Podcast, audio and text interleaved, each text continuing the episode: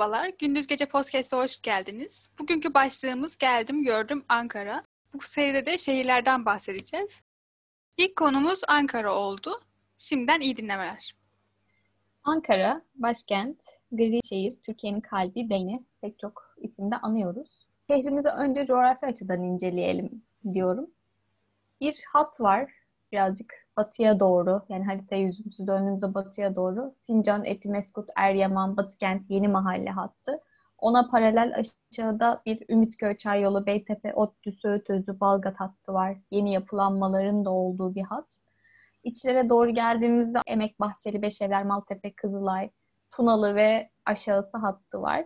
Son olarak üstte Ulus, Mamak, Keçiören gibi bir hat var adını unuttuğumuz hat mutlaka vardır veya ilçe. Geniş bir coğrafyaya yayılıyor. Her bir bölge bu hatlar önemli. Bunların farkı da var. Birbirinden de farklı bölgeler. Şehrin değiştiği ve genişlediğinin de göstergesi bunların hepsi. Eski Ankara ve Yeni Ankara'da diye adlandırılıyor aynı zamanda. Bu bölgelerin peki farklılığı ne der, nelerdir, benzerliği nelerdir? Özellikle mesela farklı bir soru olarak şehrin merkezde yer değiştirmiş deniyor. Ulus'tan Kızılay'a bir taşınma var. Belki ileride başka bir yere de olacak mı? Ne deriz bu konuda? Aslında burada sayılacak çok fazla etken var. İlk olarak belirgin bir şekilde görülen nüfus etkenini ele alalım. Ankara yüksek katlı olmayan apartmanın önünü bildiğimiz gibi görüyoruz her yerde. Eski Ankara apartmanlarında ve sokaklarda artık insanların yetmemesiyle birlikte şehir genişlemeye başlıyor. Ancak bu genişlemeyi taraf eden kesimler farklı. Öncelikle şehir içinde öğrencilere yer kalmamasıyla birlikte şehir bazlı bir genişleme var.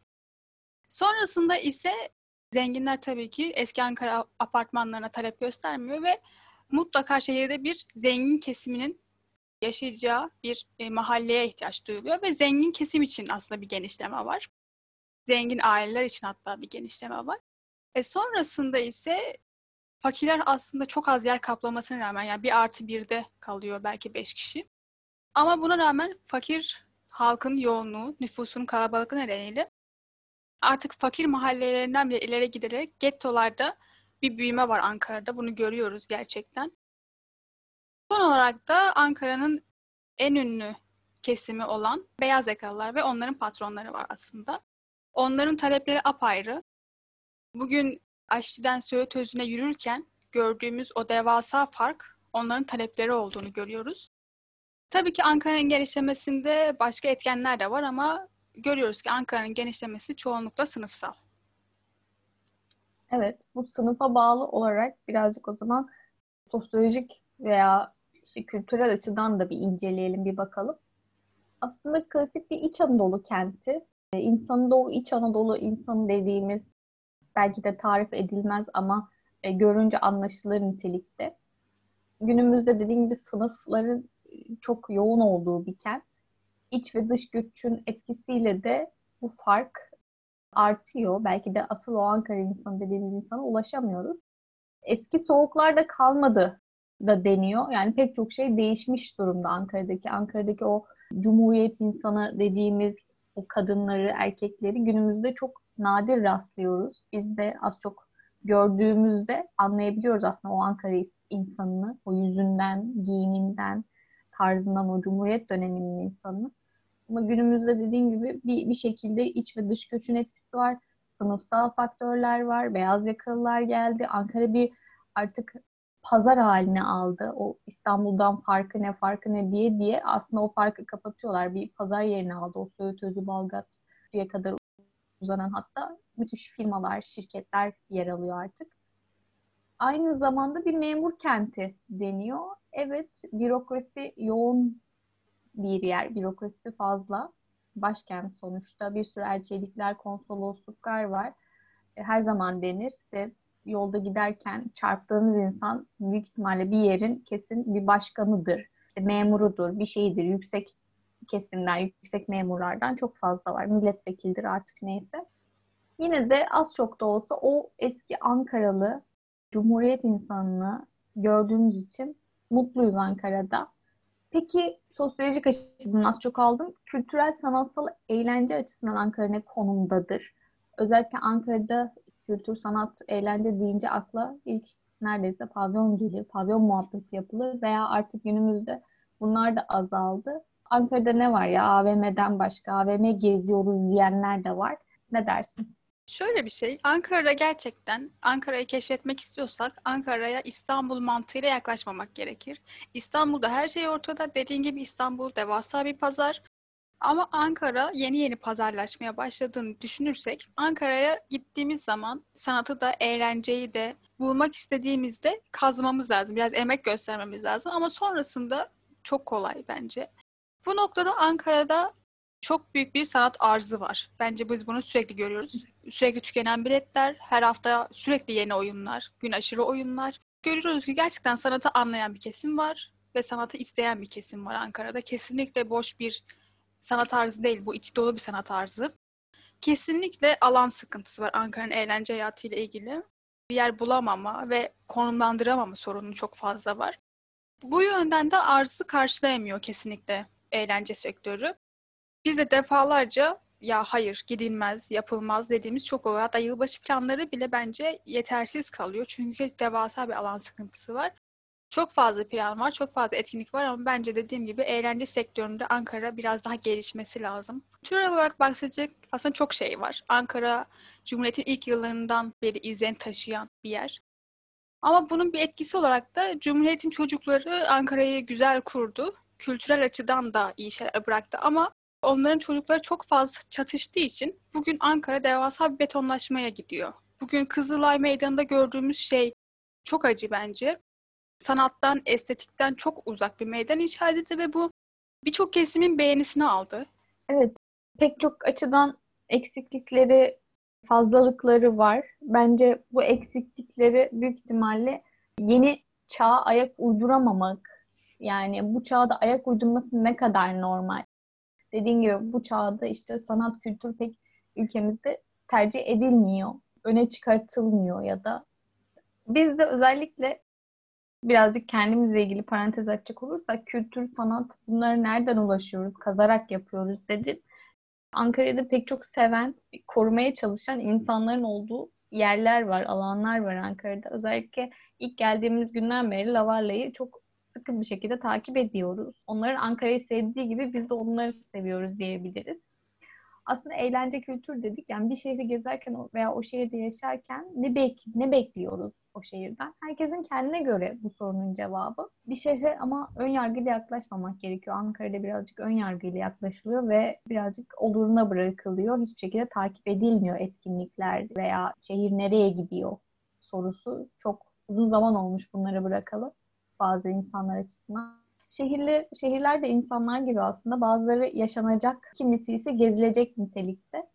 Ankara yaşanacak bir şehir. Akşam olunca aslında herkesin evine girdiği, bütün gün çalıştığı, evine girdiği, hafta sonları da pek çok işte tiyatro, sinema gibi şeylere gittiği bir klasik bir şehir aslında. Günümüz belki de çalışma şartlarına uygun. Ulaşım hatlarında belki bazı sıkıntılar var. Eksikliklerine gelecek olursak pek çok yere ulaşım, metro, Ankara gitmediğini görüyoruz. Özellikle Melik Gökçek sonrası ben etkinliklerin azaldığını düşünüyorum. Belki dinozorların bir zorluğu olabilir. Çok fazla dinozor görüyoruz. Yine Melik Gökçek'ten gideceğim. En çok eksiklikleri o sağladığını düşünüyorum. o neden olduğunu daha doğrusu. İller binasının geçen gün bir fotoğrafını gördüm öncesiyle sonrasını. Ankara apartmanları sayfasında. Yıkılmasına tanık olduk bütün Ankara olarak birazcık dediğim gibi sessiz kalınıyor şehrin dokusundaki, kültüründeki değişmelerden dolayı. Bir pazar haline aldı dedik çok fazla. Buradaki yapılaşmanın, yenileşmenin Ankara'ya uymadığını görüyoruz.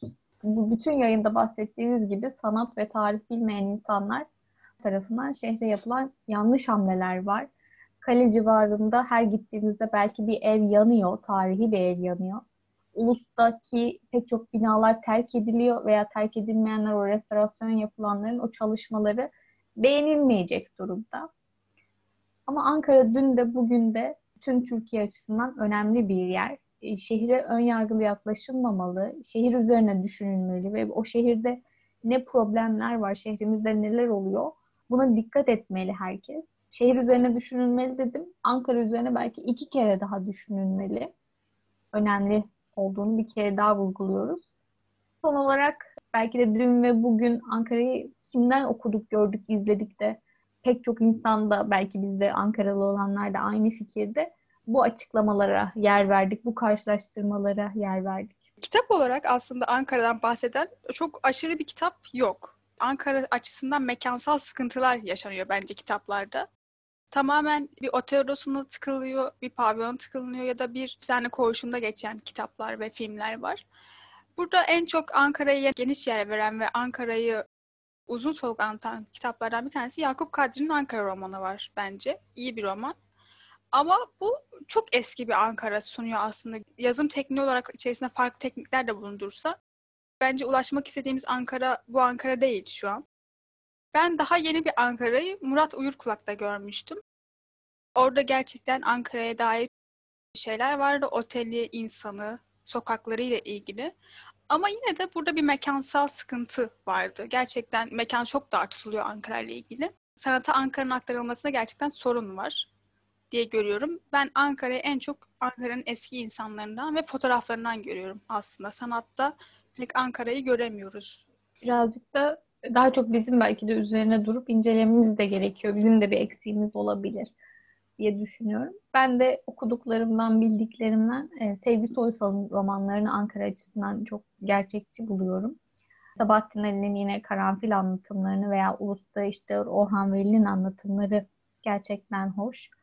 Bunun yanında aklıma ilk gelenlerden biri Yeraltı, Zeki Demirkubuz'un Yeraltı filminde bir Tunalı Oteli izlenimi var. Özellikle işte oradaki sahne vesaire Ankara'nın pek çok yerinde çekilmesi. Tabii Ankara romanı sun, sunmuyor o da ama Tunalı'da çekilmesi biraz hoş bir izlenim uyandırıyor. Yani Ankara dediğimiz gibi bazı şeyler eskisi gibi kalmalı denilebilecek bir yer. Bir cumhuriyet havası, bir başkent havası sezilmeli. Yani Karanfil'e gittiğimizde oradaki inanılmaz kafeleri, falcıları görmek zorunda değiliz. Kimse değil. O iğrenç betonlaşmayı görmek zorunda değiliz. Bazı şeyler aynı kalmalı. Veya Ulus'taki yeni iş bankası restorasyonunda tamam alt katları korudunuz ama üst katların hali ne? Yani bazı şeyler olduğu gibi kalmalı. Pazar haline alırken dikkat edilmeli. Bahçeli evlerde 3-4 katlı binaları görüyoruz ve onlar o şekilde kalmalı. O gazi yerleşkesi olsun. Ama bunun haricinde dışarı doğru birazcık Gazi Mahallesi'ne doğru indiğimizde beş evlerden Bahçeli'den gökdelenleri görüyoruz. Yüksek katlı apartmanları görüyoruz. Şehre birazcık daha saygı duyulmalı. O eski görüntüsü, dokusu bozulmadan bazı şeyler yapılacaksa yapılmalı. En başta da geçen cümlemde de dediğim birazcık daha üzerine iki kere düşünülmeli. Umarım bundan sonra belediyelerce, ülkece, belki insanlarca Ankara vatandaşıyla daha iyi bir Ankara portresi e, çizilebilir. Bu arada bunları dedik günümüzde dediğim gibi Ankara'nın gri olduğunu belki de hiçbir zaman düşünmeyenlerdeniz biz. Hatta geçen gün Instagram'da Ankara gri değil diye bir sayfa gördüm. Gerçekten çok güzel. Veya Ankara'nın neonları diye de bir sayfa var. İnanılmaz. Bu arada reklam almadık hiçbirinden. Lavarladın olsun veya bu hesaplardan. Sadece bizim takip ettiğimiz hesaplar. Ankara'yı bizim gibi seven insanları görmek gerçekten güzel. Ankara'yı o zaman ne diyelim? Ayazıyla olsun, memurlarıyla olsun, gridiyle olsun, sevmeyenleriyle de olsun seviyoruz biz ikimiz de. O zaman şeyleri farklı yüzleriyle görmeyi deneyelim. Onları ön yargıda yaklaşmayalım ve en önemlisi koruyalım. Onları sahip çıkalım. Şehirleri bir noktada önemli kılan da insanlar aslında. Belki de Ankara'yı birbirimiz adına değerli yapan biraz da birbirimiz olduk. Bu nedenle o insanları kaybetmeyelim ve o insanlara sahip çıkalım diyelim. Sosyal mesaj verelim buradan. Bu da bir kamu spotu değildir kesinlikle. Sağlıcakla kalalım en önemlisi. Gezelim, görelim ve keşfedelim. Dünkü halimizden ileri gidelim. Tekrar tüm dostlara selam olsun diyelim. Gündüz Gece Podcast'i kapatıyoruz. Hoşçakalın. Hoşçakalın.